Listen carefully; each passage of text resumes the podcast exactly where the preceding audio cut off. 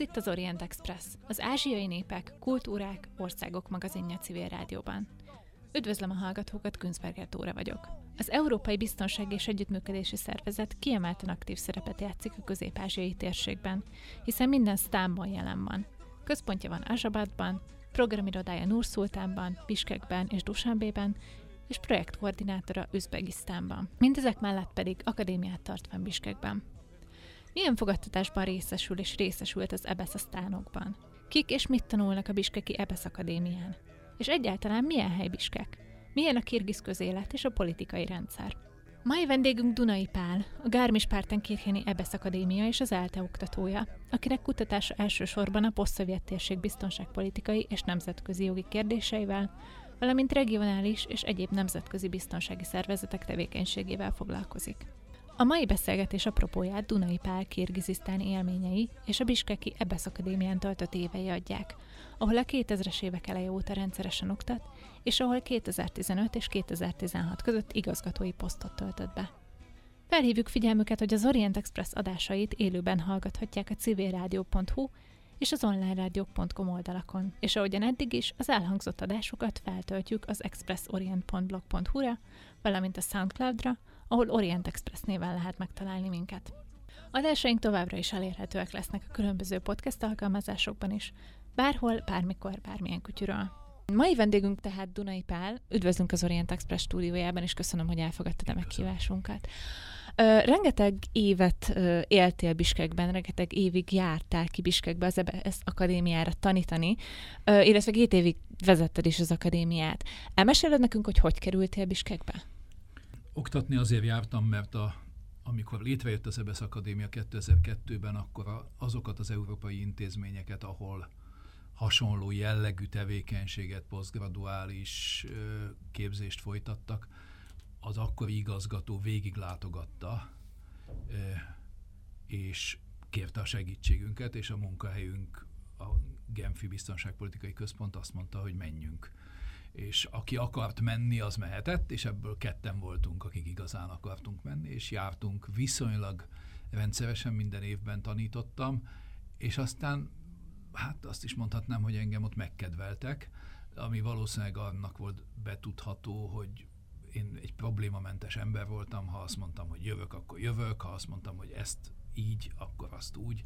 Tehát a dolog jól működött, és aztán megürült az igazgatói állás, én két állást pályáztam meg, akkor két, mind a kettőt elnyertem, és akkor elmentem Biskekbe először 15 hónapra, aztán eljöttem, mert a másik munkahelyen mondták, hogy most tényleg föl tudnának venni, ez a George C. Marshall Európai Központ volt, Garmisch-Partenkirchenben eljöttem, és aztán onnan egy fizetési szabadság, fizetés nélküli szabadságra visszamentem Biskekbe, mert a, a Közép-Ázsia valahogy elrabolja az embert. Tehát beépül az ember Közép-Ázsiába, és az nem ereszti. Annak ellenére, hogy az életviszonyok nem kedvezőek, nagy a környezetszennyezés, pocsék állapotban vannak az utak, ezzel együtt is az ember jól érzi magát Biskekben. Van egy kis nemzetközi kolónia, amelyik úgy többé-kevésbé összetart, és a nagy hátrányokat, amivel néhány ember szembenézett, azokkal én nem néztem szembe. Tehát nem,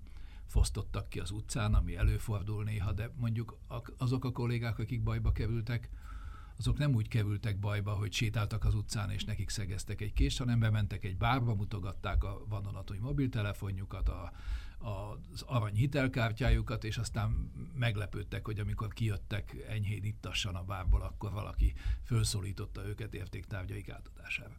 A másik, hogy ugye az embernek vannak ilyen alapvető biztonsági előírások, amit alkalmazni kell, ilyen volt az, hogy ne béreljek lakást földszinten, és ne béreljek lakást a legfelső szinten, mert ezeket szokták kirabolni, és hát nem volt autóm, így aztán azt el se vehették tőlem. Tehát Biskek egy nagyon kellemes, élhető város, amikor a Szovjetunióban a Kirgiz Szovjet Szocialista Köztársaság fővárosa volt, akkor is az egyik legzöldebb főváros volt, nagyon sok a zöld terület mögötte, a, a majdnem 4000 méter magas hegyek, kellemes feltételeket biztosítanak, a városban nagy a smog, mert hát ez ilyen koreai és japán lehasznált autó tároló, tehát az emberek olcsón megvásárolják, és a végtelenség használják. Tehát ilyen szempontból talán nem kellemes, de ami legfontosabb volt ugye az Ebesz Akadémián, az egy végtelen fontos dolog, ami ott történik. Nevezetesen az történik, hogy hat országból, az öt volt szovjet közép köztársaságból és Afganisztánból jönnek a hallgatók, és kapnak korrupciómentes, színvonalas képzést, ami vegyíti a helybéliek hozzájárulását a kívülről jövők hozzájárulásával, ami azt jelenti, hogy valami olyat kapnak, ami nemzetközileg versenyképes. Azt lehet látni, hogy ez egy fontos hozzájárulás egy új értelmiségi réteg kialakításához, amelyik aztán vagy megtalálja a helyét odahaza, vagy a fejét fogja rossz kedvében, de és ez országtól országra változik, mert nyilván Kirgizisztánban kedvezőbbek az életviszonyok, nagyobb a demokrácia, Üzbegisztán most nagyon kedvező irányban változik, Kazaksztán egy kicsit belassult, ilyen padhelyzetszerű, megosztott hatalmi viszonyok miatt, de majd meglátjuk, de hát az adottságai Kazaksztánnak ugye nagyon jók, és Tajikisztán pedig visszafele menetel, Türkmenisztán az pedig ott tart, ahol tartott az elmúlt 30 évben szinte mindig. Milyen háttérű hallgatók járnak az EBSZ Akadémiára? Honnan lehet bekerülni, és milyen oktatás zajlik az EBSZ Akadémián Biskekben? Az akadémián nagyon sok minden történik. Az egyik az, hogy van két master kurzus, az egyik nemzetközi politika és biztonság, a másik gazdasági kormányzás területén. Az egyik folyik azóta, amióta az akadémia meg létrejött, az első, a második az pedig egy későbbi fejlemény, amit az igazgató hozott létre és találta meg hozzá a forrásokat, aki előttem volt, és ezek 15-16 hónapos hosszúságú képzések, tehát elkezdődnek szeptember 1-én, és egy következő év december végén érnek véget. Master thesis kell írni, ami körbelül 80-90 oldal, és meglehetősen színvonalas dolgozatok születnek. És a bekerülő hallgatók, ez egy nagyon bonyolult kérdés, mert ez az egyik dolog, ami engem nagyon érdekelt hogy kerülnek-e behallgatók, akiknél ez, ez társadalmi ugrást is jelent. És azt kell mondanom, hogy is. Tehát talán kevesebben, mint szeretnénk, de vannak emberek, akik kis faluból indulva, ahol aztán semmi nem áll rendelkezésre, és rossz az alapfokú oktatás. Van egy tendencia, amit én látok, az az, hogy a, az American University of Central Asia, ami ott működik Biskekben, onnan nagyon sokan jönnek ott megszerzett BA-vel. Tehát ez egyfajta BA-ME. Na most nekik egy előnyük van, hogy a BA-jük ugye angol nyelven keletkezett, tehát nekik van a legkevesebb problémájuk a nyelvvel. Másoknak néha hosszabb utat kell megtenniük, hogy utolérjék magukat.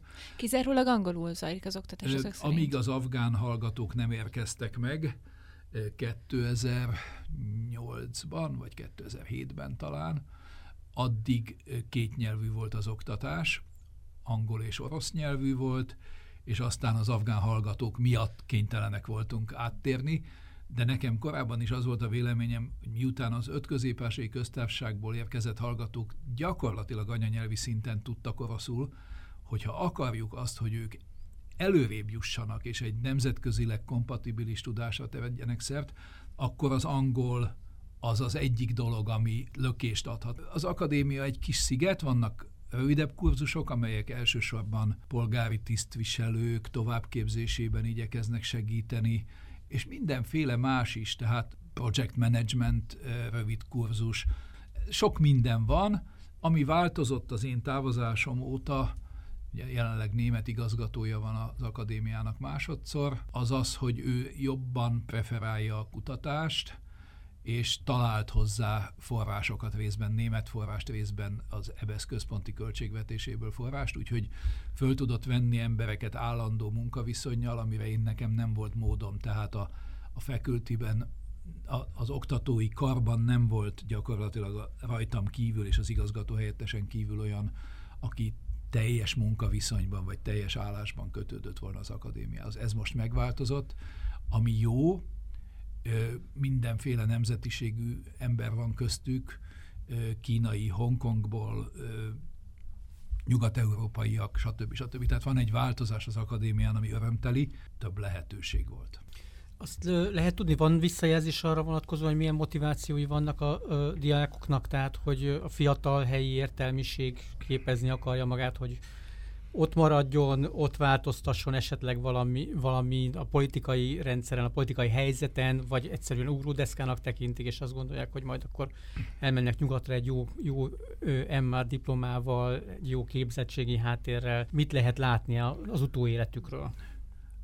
Elég pontos statisztikát vezet az akadémia, tehát a végzettekkel elég intenzív kapcsolatot tart, minden hónapban van egy, egy ilyen hírlevél, minden három évben van egy nagy végzetteknek szóló konferencia, és minden egy évben egy kisebb, ami ilyen tudományos jellegű, tehát elég pontosan tudjuk, hogy mi történik. A politika és biztonság emé irányon levők közül sokan elmentek külföldre, volt, aki visszatért, és nagyon nagy az az arány, aki nemzetközi szervezeteknél talált munkát, de nagyon sok esetben az országon belül, vagy a saját országán belül. Tehát ha elmegy valaki az EBESZ misszióhoz, Dusánbéba, ott a foglalkoztatottak között biztos, hogy van négy-öt EBESZ akadémián végzett, Biskekben ez az arány még nagyobb, és aztán ami változást jelent az, hogy ez a, a gazdasági irányon belül levők nagyobb számban térnek vissza, hiszen a,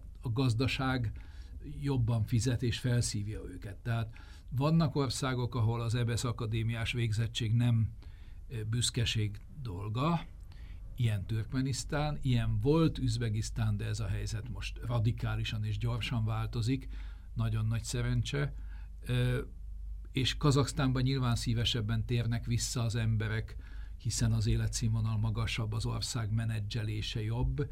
Tehát ez egy vegyes kép, most körbelül már csak 40%-a a végzetteknek talál elfoglaltságot nemzetközi szervezeteknél, és ebben mindenféle van, maga a helyi EBESZ irodák, ENSZ hivatalok, nemzetközi menekültügyi szervezet, tehát rengeteg szervezet van, hiszen minden szervezet szinte jelen van ezekben a közép-ázsiai országban kisebb vagy nagyobb stábbal.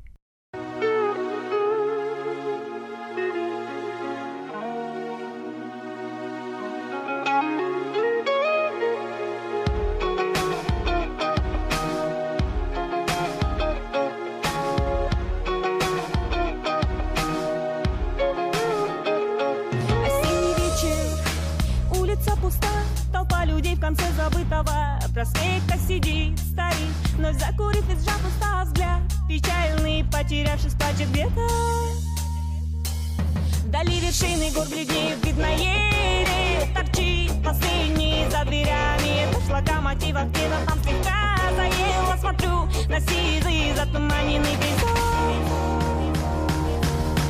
Город в бою Завтра день начнется новый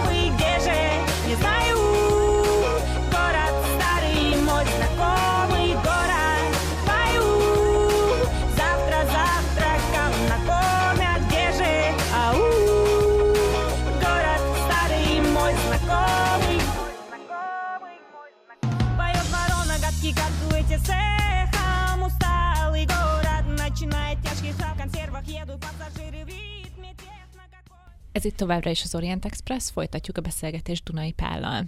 A szünet előtt beszélgettünk arról, hogy kik járnak az EBSZ Akadémiára. Van egy konkrét irányszám, van egy konkrét arány, ami nagyjából állandó, hogy melyik közép-ázsiai országban hányan járnak erre az akadémiára, vagy ez állandóan változik? A válasz nem olyan egyszerű sajnos, mint a kérdés. Ugye változik is és nem is. Az egyik dolog, ami miatt nem változik, hogy nyilvánvalóan Kirgizisztánban biét szerzettek között a legnépszerűbb az EBSZ Akadémia, hiszen a saját országukon belül maradnak.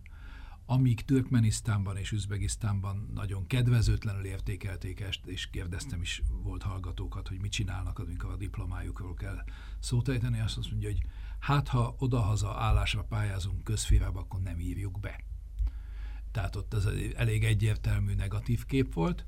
A másik két országban, Tajikisztánban és, és Kazaksztánban jóval semlegesebb. Afganisztánnal egészen kitűnő a viszonya az akadémiának, mindenféle együttműködés van, és Afganisztánban elég népszerű az akadémia. Ezért azt lehet mondani, hogy jelentősen nagyobb a létszám mondjuk, aki Kirgizisztánból, kicsit talán Kazaksztánból, bár ugye most már Kazaksztán annyi állami ösztöndíjat ajánl más helyekre, küldve a fiatal kazahokat, akiknek egy része aztán nem tér persze haza, de formailag haza kellene térnie, és mondjuk Türkmenisztánból mindig kicsi volt a részvétel, pontosan azért, mert az emberek nem tudják, hogy ez egy hasznavehető végzettség lesz-e vagy sem.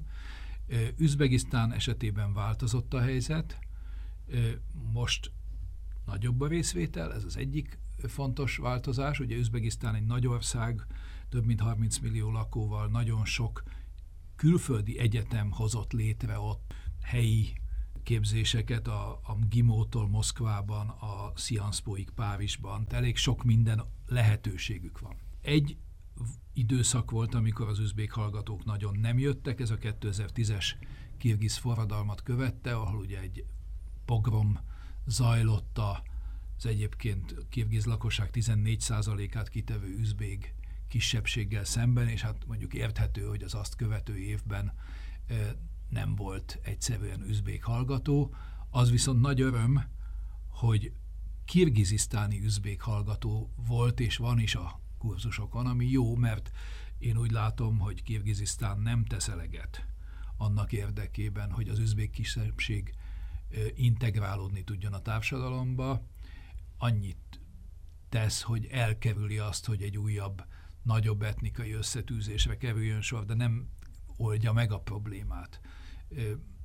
Ráadásul ugye Kirgizisztánban civil betűvel írnak, Üzbegisztánban latin betűvel írnak, ami azt jelenti, hogy a kirgizisztáni üzbégek, akik középiskolát végeznek, Kirgizisztánban nagyon nehezen tudják a tanulmányaikat Üzbegisztánban folytatni, és a kisebbség ahhoz túl kicsi, hogy felsőoktatást kapjon a maga jogán.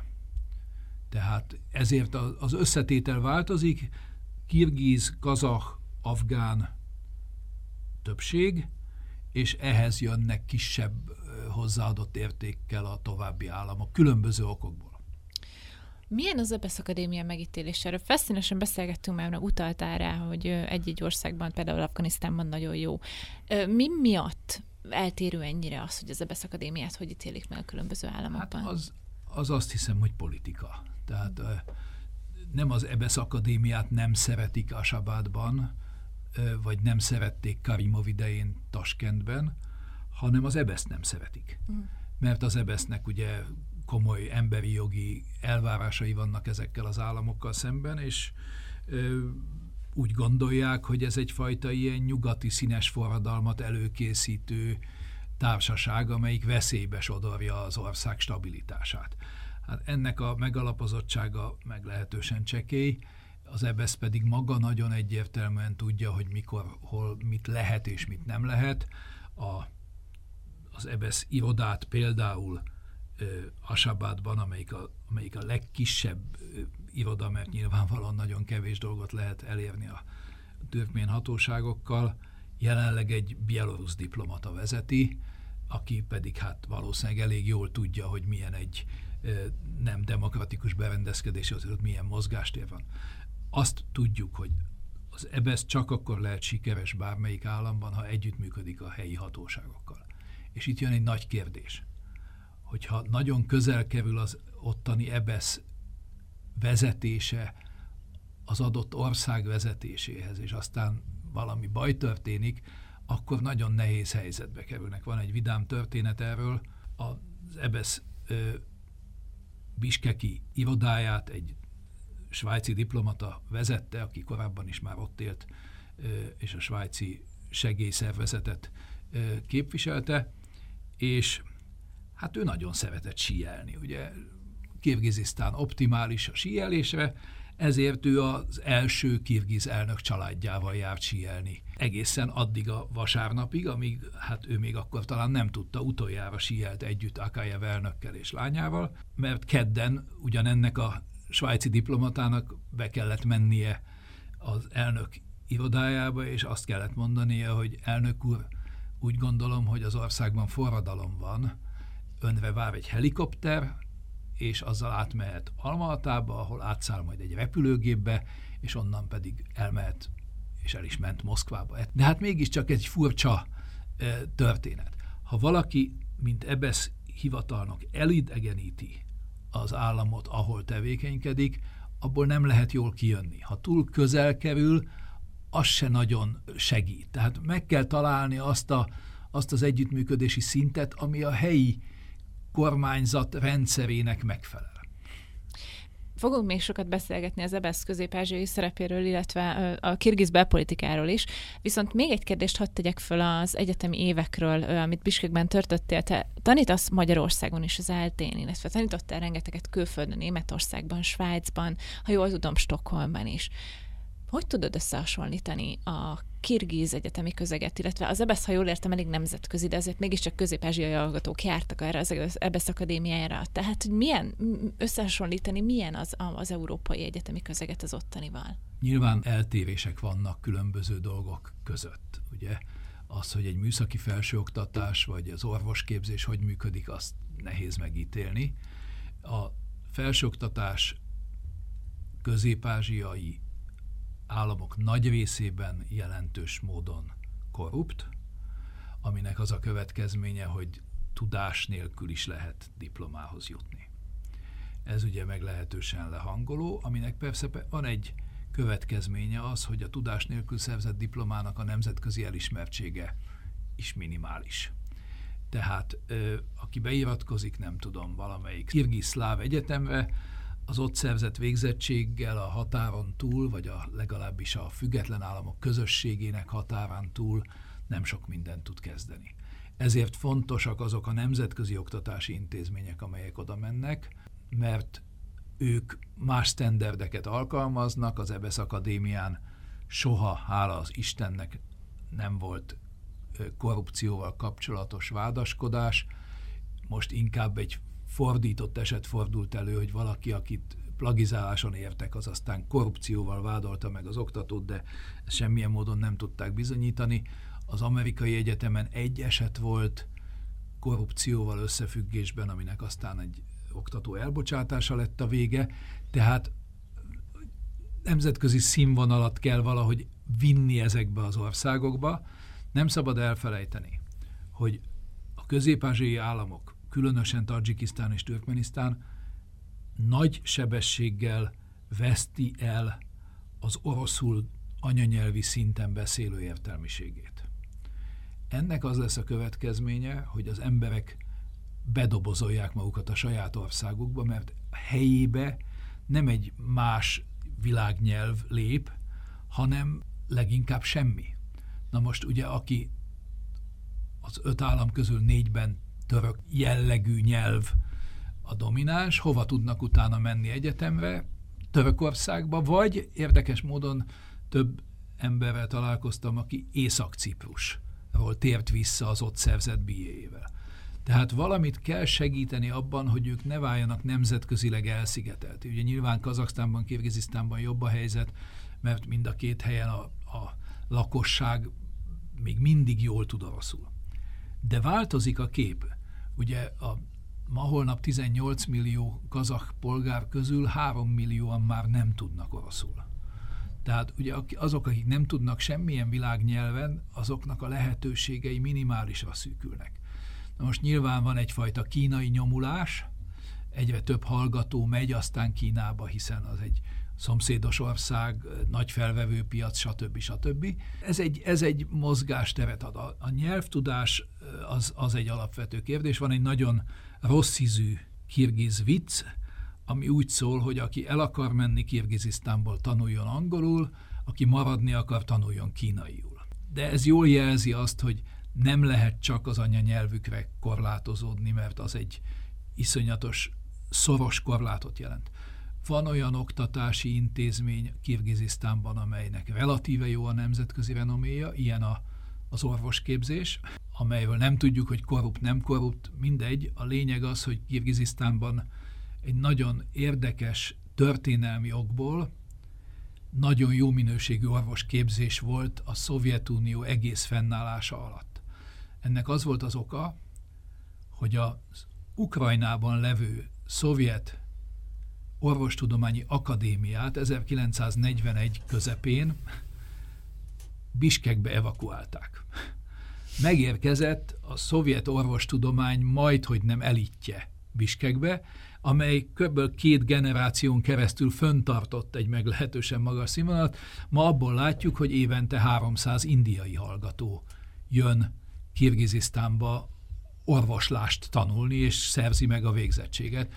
Hogy az mit ér, mit nem ér, nem tudom, de tudtuk, hogy az orvostudományi egyetemről azt lehet mondani, hogy az azért viszonylag, viszonylag jó. Кеттің көркі нұр менен а белдің көркі құр менен сүйген сұлу мөлмөлүм а белгілі болсын ыр менен екілемин қызыл гүл açılғандай мөлмөлүм бір қарасаң жүрек от шашылғандай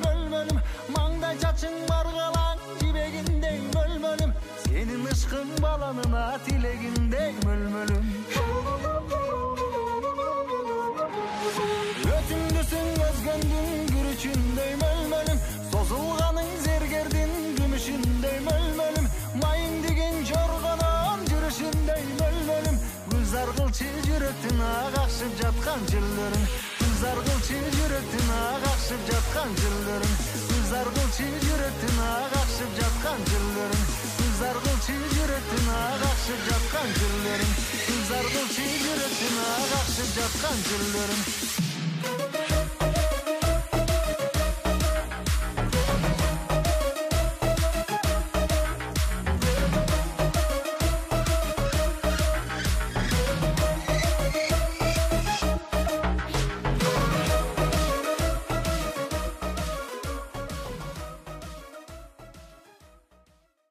továbbra is az Orient Express, folytatjuk a beszélgetést Dunai Pállal.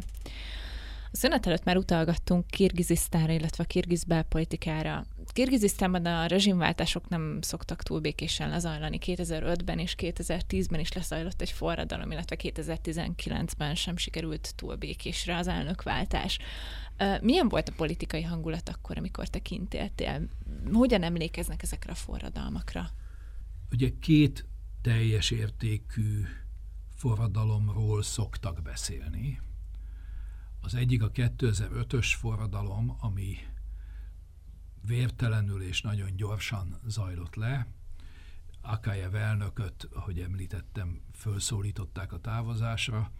Akajev elnök, aki maga nem volt korrupt, de a környezete, beleértve sajnos családjának néhány tagját meglehetősen korrupt volt, és hát elfáradt a vezetés. 14 esztendőn át állt Akajev a kirgiz állam élén, ő volt az egyetlen kirgiz államfő, egyetlen közép államfő, aki nem, a, nem korábban a helyi kommunista párt vezetője volt, hanem a Kirgiz Tudományos Akadémia elnöke volt, mint fizikus, és abból lett aztán a Kirgiz legfelsőbb tanács elnökségének elnöke, és abból lett aztán államfő. Amikor 2005-ben tőle megszabadultak, nyilván abban bíztak, hogy valami sokkal jobb jön. És az azt követő elnök Kurmanbek Bakiev talán az első évben jobb is volt. Én minden évben 2002 óta jártam Kirgizisztánban, tehát érződött a hangulat változása beszélgetve helybéliekkel.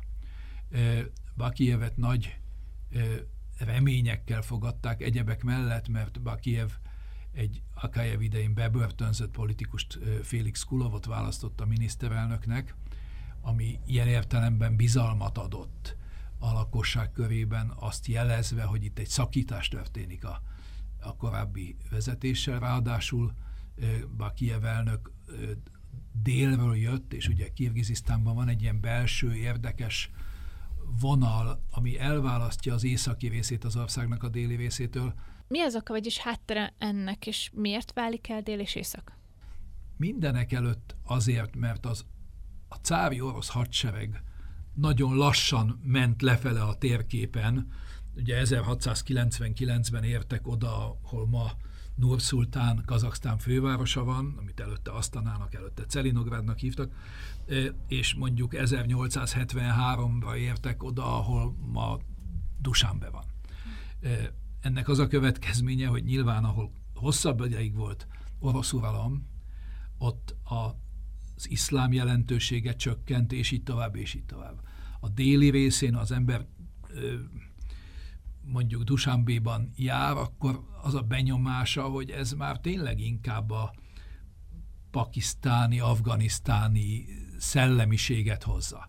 Nagyon eltérő. Ha, ha ramadánkor az ember éttermet keres Kirgizisztánban, vagy Biskekben legalábbis, minden további nélkül ö, tud ebédelni. Elmentem Dusánbéba a ramadán idején, ö, iszonyatosan éhesek voltunk mindannyian, plusz 38 fok, meglehetősen pocsék időjárási viszonyok, ö, és bementünk egy étterembe, és kérdeztem a felszolgálót, hogy ebéd?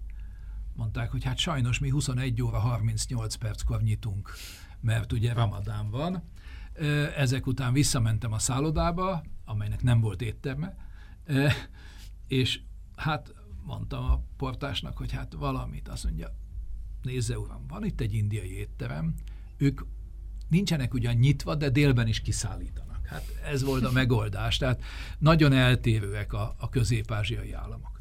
Most térjünk vissza egy kicsit a kirgizisztáni forradalmakra.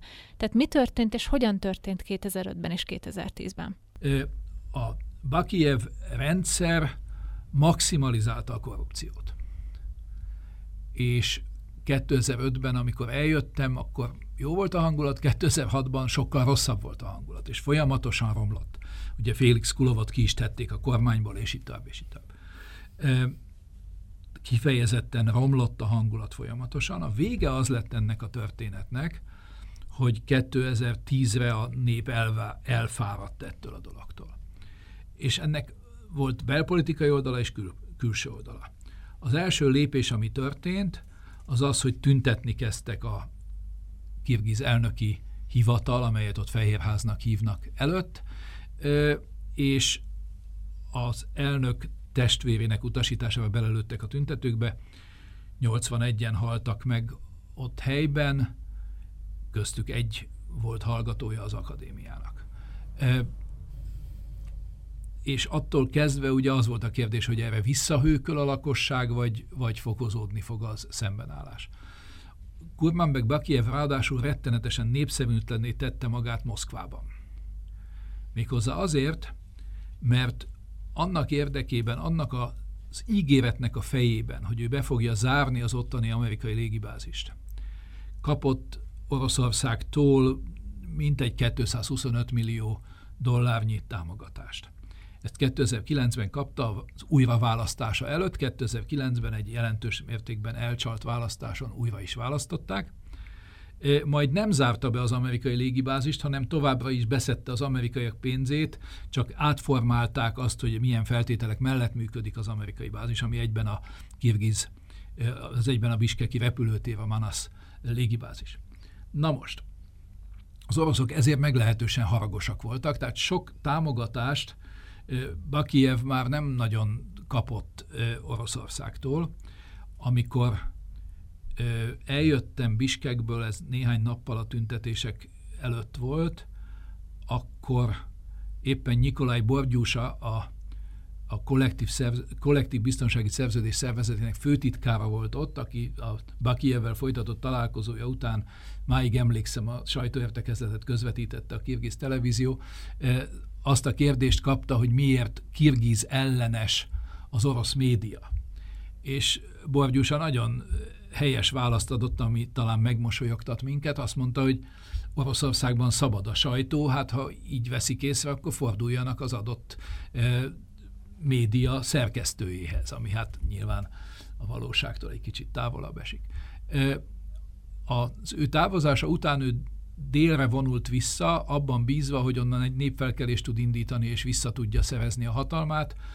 Ez egy tévedés volt, és ennek a tévedésnek a végén ő Jalalabadról, ahova egyébként gyakorlatilag alig szállnak le repülőgépek, Jalalabadból távozni kényszerült, és ez a gép őt nem vihette Moszkvába, mert Oroszországban nem várták, eh, inkább a pénzt várták volna, amit elsíbolt, eh, ő megérkezett ezek után Minskbe, ahol máig is élvezi a bielorusz demokráciát. Miután az oroszok egy kicsit megharagudtak, az orosz hatóságok meglátogatták az ő fiát, Maxim Bakievet, aki hol az öböl országai közül valamelyikben élt, hol Londonban, és kérték, hogy esetleg térítse vissza ezt a kis adósságot kamatostul, és a biztonság kedvéért Bakiev testvérét le is tartóztatták mindeközben Biskekben, jelezvén, hogy komolyan gondolják.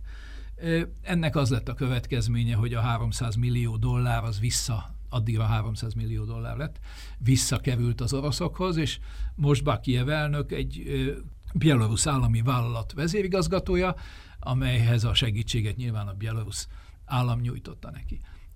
Ez volt a két teljes kövű forradalom. A külső körülmények tekintetében az, a, az járja Kiev Biskekben, hogy az első forradalmat a, az amerikaiak szervezték, a másodikat az oroszok. Hát nyilván valamennyi közrehatásuk lehetett, de nem ők szervezték a forradalmat, a forradalmat a nép elégedetlensége szervezte elsősorban.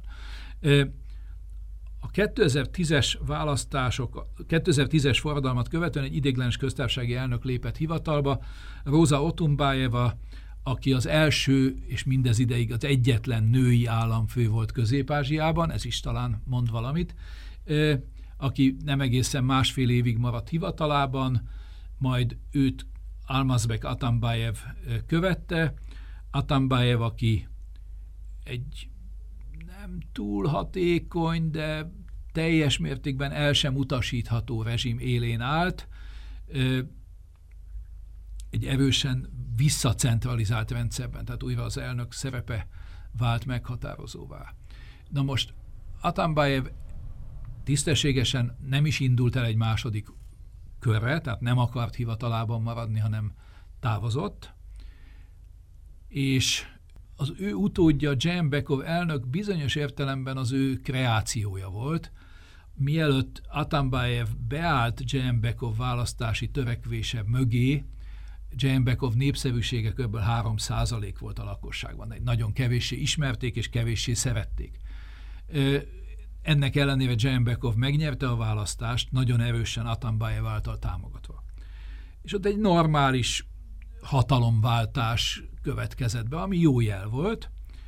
Az egyetlen baj azzal történt, hogy ö, valami miatt ez a kapcsolat megromlott, és Atambayevet elkezdték ö, támadni korrupció és egyebek miatt, aminek hát nem mondhatnám azt, hogy semmi alapja nem volt. Kirgizisztánban a köztársasági elnök, hogyha ha nem korrupt, akkor valószínűleg két öltönye van az egyik ünneplő alkalmakra, a másik másnapokra, mert hát az ilyen 500 és 1000 dollár közötti jövedelem, tehát ez nem, nem, nem, szó, nem, nem számottevő. És az Atambayev visszavonult a saját maga által időközben épített rezidenciájára, ami egy, hát egy ilyen erődítmény formáját öltötte, amit megrohamoztak a rohamozás közben a biztonsági szolgálatok egyik tisztjét lelőtték, és ettől kezdve ugye nyilvánvaló volt, hogy innen nincs visszaút.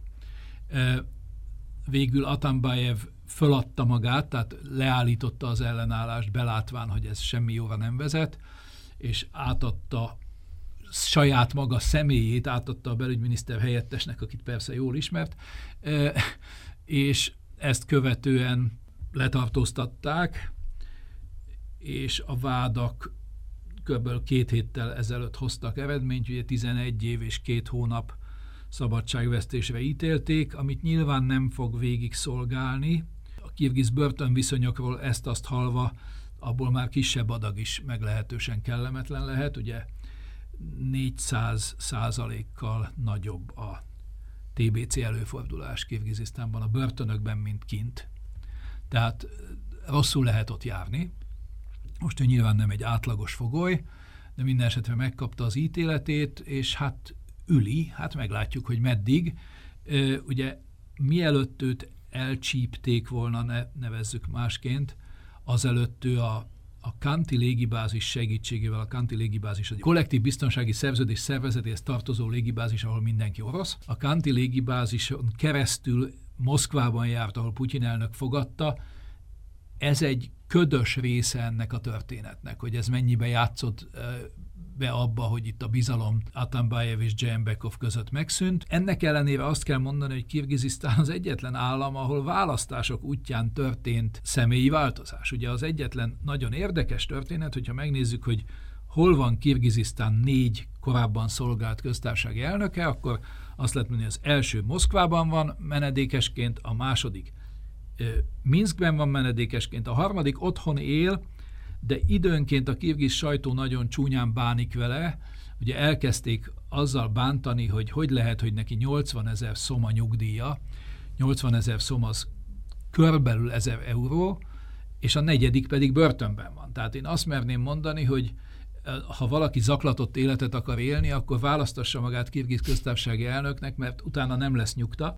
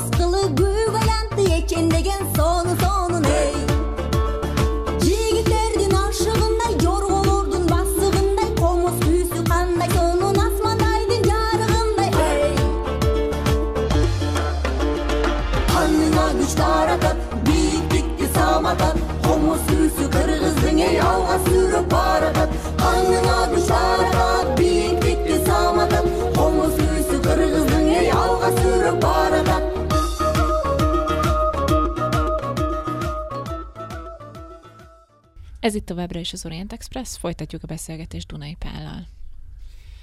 Ugye itt szó esett arról, hogy, hogy a meg, meglehetősen turbulens változások vannak a, a kirgiz belpolitikában, de ettől függetlenül ez konszenzus az, hogy mégiscsak Kirgizisztán még sokkal demokratikusabb az összes poszt-szovjet vagy más poszt-szovjet volt tagköztársághoz képest, illetve most már önálló államokhoz képest. Az EVESZ Akadémia szempontjából ez, ez a turbulens változás mit jelent? Itt fontos-e a különböző regionális klánokkal jobb viszonyban lenni, vagy egész egyszerűen, amikor ők pozícióba kerülnek, akkor gyakorlatilag az új hatalommal kell kommunikálni? Illetve itt volt már arról szó, hogy Üzbegisztánban ugye három évvel ezelőtt kezdődött valami fajta talán pozitív változás. Ez vagy a kazaksztáni változások hatnak-e az akadémia jelenlegi pozícióira? A válasz az sajnos ismét bizonytalan, igenis, meg nem is. Ugye Üzbegisztánban nagyon megváltozott az EBESZ megítélése. Míg a korábbi EBESZ hivatalvezetőket, vagy misszióvezetőket tényleg rengeteg kellemetlenség érte, mondjuk azon kívül, hogy természetesen 24 órán át figyelték a telefonjukat, a lakásukat, mindenüket. Nekem egy nagyon jó barátom, John McGregor ment át Biskekből, ahol első beosztott volt az EBESZ misszión, EBESZ nagykövetnek Üzbegisztánba, 2016-ban érkezett, és én megkérdeztem tőle, nagyon jó kapcsolatban voltunk egy haditengerész kanadai úr, és mondom, John, hát őrült vagy? Hát, hát ott fognak állandóan figyelni, egy szabad lépésed nem lesz. Ameddig odaért, ugye Karimov elnök meghalt, és ennek következtében egy teljesen más helyzetbe jutott, és most távozása előtt a legmagasabb üzbég állami kitüntetést kapta, amit külföldi személynek lehet adni.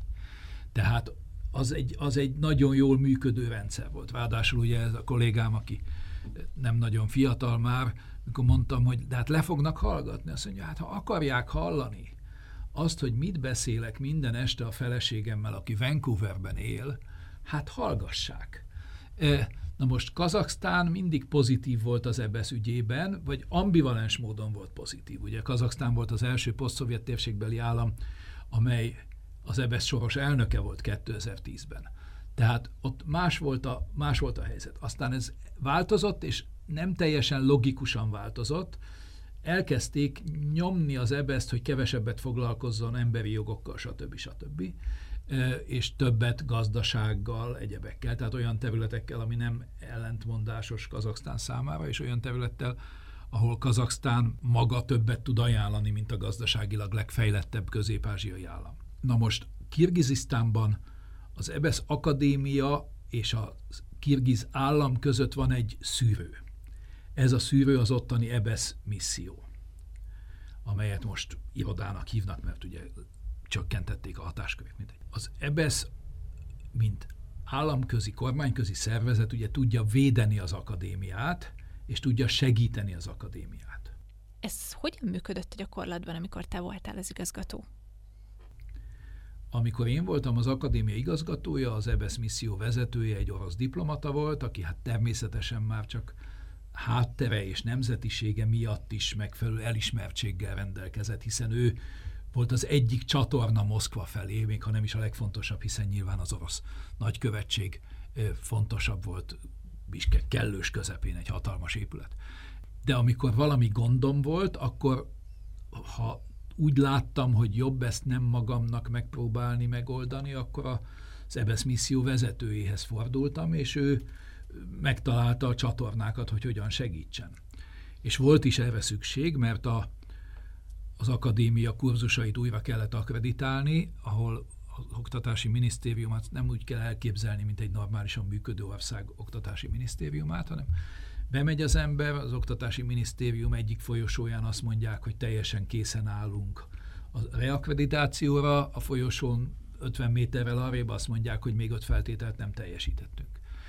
Tehát akkor is kellett segítség, adott esetben az oktatási miniszter helyettest, aki egy kitűnő kirgiz történész volt egyébként, be kellett vonni, amikor az épülettel kapcsolatban voltak gondjaink, az EBSZ Akadémiának van egy épülete, az a kirgiz hozzájárulás az EBSZ Akadémia működéséhez, de miután az épületet az EBSZ Akadémia jókarban tartotta, sőt, sok mindent javított rajta, voltak olyan pillanatok, amikor az EBSZ-től az, a kirgiz állam szívesen visszavette volna. Na most itt is ugye a hivatalos politika az az, hogy életünket és vérünket az EBSZ Akadémiáért, de mondjuk az állami épületek igazgatósága, élén álló úr, akit egyszer már elcsaptak hivatalából korrupció miatt, az amikor leültünk, akkor azt mondta nekem, hogy de hát tudja, hogy ahhoz, hogy meghosszabbítsuk a szerződésünket, ahhoz szükség lenne arra, hogy úgynevezett terrorizmus biztonsági követelményeknek megfeleljünk. Hát kérdeztem, hogy mi az mondta, hogy hát négy hivatalnak kell a bélyegzéjét ráütni, tűzoltóság, stb. Hát ez ilyen normális hatósági eljárás. Mondom, és hát de nagyon rövid az idő, mert jön az EBSZ soros elnöke, adott esetben Frank-Walter Steinmeier, német külügyminiszter akkor, aki alá akarja írni ezt a papírt. És akkor azt mondta, hogy ne aggódjon, van nekünk itt egy kollégánk, aki ilyesmivel foglalkozik. Hát mondom, ez igazán nagyon kedves. És mondom, és hát ez hogy fog működni? Hát azt mondja, hát ez 16 ezer szomba fog kerülni, ez 200 euró, nem nagy pénz. Mondom, tud-e számlát adni a kolléga, mert hát ugye én korrupt műveletekben nem szeretek részt venni. Mondta, hogy természetesen semmi akadály. Hát megkötöttük ezt az üzletet, ami egy kicsit korrupt volt, de még nem volt nagyon fájóan korrupt. Következő lépésben ugyanez az úr közölte velem, hogy hát bizony az épület külső homlokzatának tökéletes állapotban kell lennie, ugye, mert van egy új városrendezési valamilyen jogszabály. Jó. És mondom, hát ezt hogy lehet megoldani? Azt hát nagyon egyszerű. Van itt egy cég, amelyikkel együttműködünk, és hát ők meg tudják oldani, hogy tökéletes állapotban. És mondom, és az mennyibe kerül? Hát azt mondja, hát az kb. 8 millió szomba fog kerülni. Hát ez ugye most már 100 ezer euróról beszéltünk, azért 100 ezer euró az már, azért már többen lehajolnak, hogy fölvegyék. Hát azt láttam, hogy ezt én nem fogom tudni megoldani, mert az én egész költségvetésem és annak a 96%-a le volt kötve különböző dolgokra, ösztöndíjakra, oktatók fizetésére, stb. stb. Ezt én nem fogom tudni megoldani, hát az egész költségvetés 1 millió euró körül volt, ma valamivel van fölötte. És erre mondtam, hogy jó, köszönöm szépen, és elbúcsúztam, mert nem volt miről beszélnünk. Elmentem az EBSZ misszió vezetője, ez az EBSZ misszió vezetője elment a köztársasági elnöki hivatalhoz, az egyetlen igazi hatalmi ponthoz, és amikor legközelebb találkoztam ezzel az úrral, akkor nagyon kedvesen üdvözölt, és azt mondta, hogy hát Dunai úr, hát én nem is tudtam, hogy az EBSZ Akadémiának nincs is az utcára néző kiárata, mert ennek ugye két kapu között van egy elzárt épület, tehát hát maguk akkor ennek feltétlenül megfelelnek. Ugye ebből tudjuk, hogy időközben őt fölhívták telefonon, és azt mondták, hogy nem kellene ezt csinálni. Na most ennek ugye az volt a hátterében, hogy az EBESZ soros elnöke Németország volt akkor, 2016-ban, és Frank-Walter Steinmeier jött Biskekbe, de az német nagykövetség egyértelművé tette, hogy Frank-Walter Steinmeier akkor jön, ha van mit aláírni. Akkor van mit aláírni, ha mindenben megegyeztünk. És ennek egy csomó aspektusa volt.